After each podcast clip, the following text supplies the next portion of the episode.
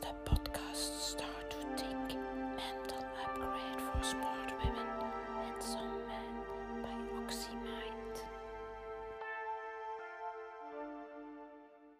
Wat betekent eh, zelfdiscipline voor jou? Dat is de vraag die ik enkele dagen geleden op Facebook en Instagram heb gesteld. En stel u voor, daar is toch wel niemand die daarop antwoordt. Hoe is dat mogelijk?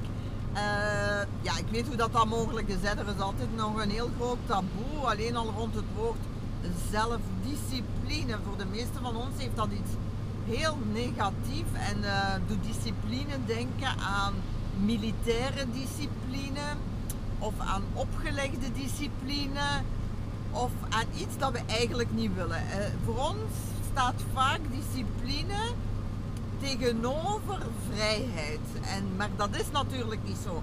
Maar uh, wij percipiëren dat zodanig. En wij willen het idee hebben dat we vrij zijn en dat we kunnen doen en laten wat we willen. En dat we niet in een keurslijf van discipline zitten. Nu, hoe mis hebben we het zo vaak? Want wat wil eigenlijk discipline zeggen? Discipline wil eigenlijk zeggen creatie van wat jij wilt. Dat is de weg tot creatie van wat jij eigenlijk wilt of de persoon die jij wilt zijn. En daarvoor heb je discipline nodig. Nu, zelfdiscipline. Dus zelfdiscipline betekent dat je een discipline voor jezelf gaat creëren. En dat betekent dat je een afspraak gaat maken met jezelf om iets te doen op een bepaald tijdstip of verschillende keren enzovoort. Dus het gaat over een commitment, over een afspraak met jezelf. En dan is natuurlijk de grote moeilijkheid die afspraak met jezelf naleven. Nu, wat is, die, wat is het probleem? Wat is de issue met zelfdiscipline? Dat we dat moeten opstarten met wilskracht. En wilskracht zit in ons bewuste denken. Ik heb jullie al meerdere keren verteld dat bewuste denken, dat is maar een klein, miniem deel ons denken. En ons onderbewuste denken, die, die beruchte gorilla waar ik het altijd over heb, die is natuurlijk veel sterker dan ons bewuste denken. Dus wij kunnen even altijd wel iets doen op wilskracht, maar die wilskracht geraakt uitgeput. En wat gebeurt er dan? Dan neemt gewoon dat onbewuste denken, die gorilla, neemt weer de hele boel over. Ik ga je een voorbeeld geven. Jij zegt vandaag, ah ja, nu is het echt zo, ik wil op dieet, ik maak, spreek met mijn eigen af. Ik ga geen suikers meer eten en ik ga kleinere porties eten. Wat, twee fantastische kleine stappen zijn trouwens om te doen. Nu, wat gebeurt er? Jij kunt op wilskracht zeggen, je gaat vandaag, morgen, misschien een hele week, afhankelijk van je wilskracht, ga jij kunnen volhouden van geen suikers te eten en u bijvoorbeeld te beperken tot één normale portie. Maar op een bepaald punt is die wilskracht op. Wilskracht is niet onuitputtelijk, vergeet dat niet.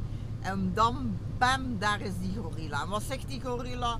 Oh, maar waarom zou jij niet niks mogen eten? Ik heb hier tiramisu. Waarom zou jij niet een stukje tiramisu mogen eten? Waarom zou jij niet een snoepje mogen hebben? En je bent toch perfect gelijk gezet en bla bla bla.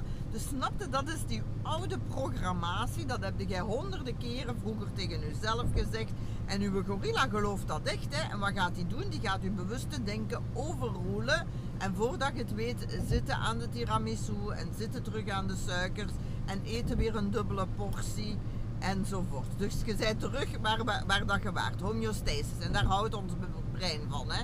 Van, uh, uw brein wilt u houden waar dat je bent. Dus als, jij, als dat oké is, is dat oké. Maar als jij iets anders wilt, als je andere dromen, bijvoorbeeld je wilt stoppen met roken. En je hebt al verschillende keren gestopt met roken. En nu ineens zeg je, oké, zo heb ik het gedaan.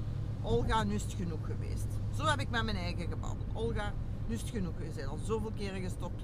Je gaat niet telkens weer door die bullshit, telkens weer door al die zeven gaan, om dan weer terug te beginnen roken. Ik heb tegen mijn eigen gezegd, dit is de laatste keer. Oké, je moet hier nog één keer door.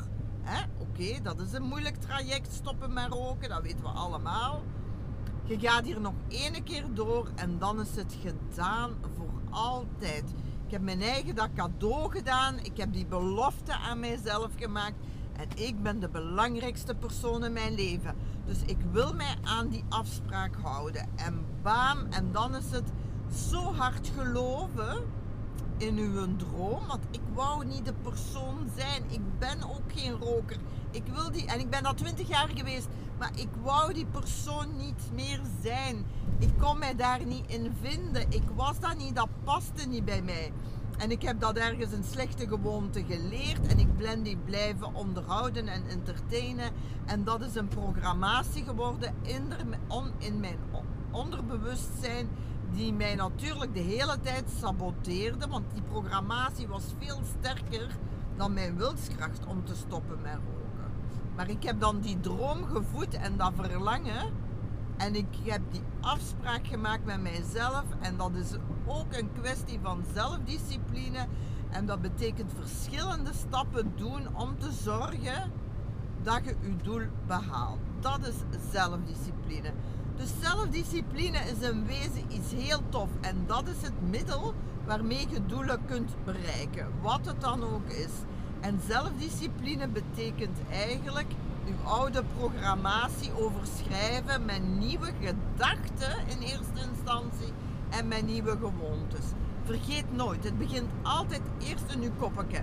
Daar moet je het werk doen. Je kunt op wilskracht van alles. Maar als je daar binnen niet gaat geloven dat je iets kunt, ah, welke gaat het niet kunnen. Ik geef het je op een bladje papier.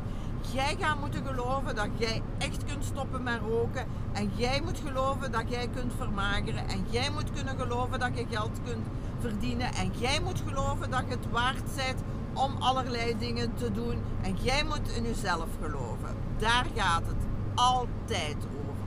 Dat was het al voor vandaag. Dag.